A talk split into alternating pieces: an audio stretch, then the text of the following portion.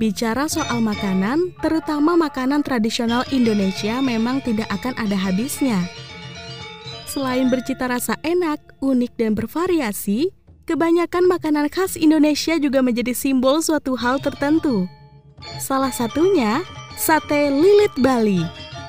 Ya, terlepas dari ragam objek wisatanya, Bali juga dikenal dengan wisata kulinernya seperti sate lilit terbuat dari daging babi, ikan, ayam, sapi, atau bahkan kura-kura yang dicincang dan dicampur dengan bumbu khusus, sate lilit menjadi makanan favorit bagi masyarakat Bali maupun para wisatawan.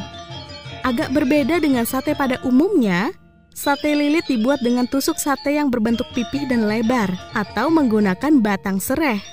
Permukaan luas dari tusuk satenya membuat daging cincang bisa melekat pada tusuknya, karena itulah sate ini diberi nama lilit yang berarti membungkus.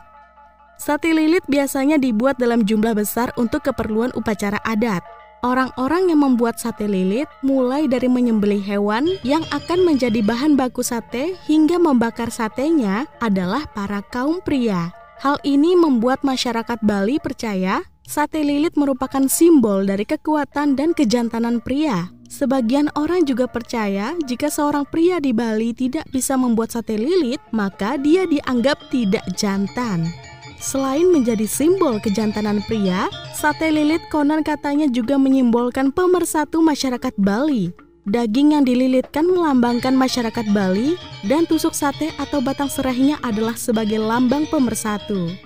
Meskipun daging yang digunakan dicincang terlebih dahulu, Daging tersebut tetap menyatu dan merekat pada batang sereh atau tusuk sate, tidak rontok atau hancur sama sekali saat dibakar. Hal ini membuat sate lilit Bali dipercaya melambangkan masyarakat Bali yang selalu bersatu dan tidak akan terpecah-pecah.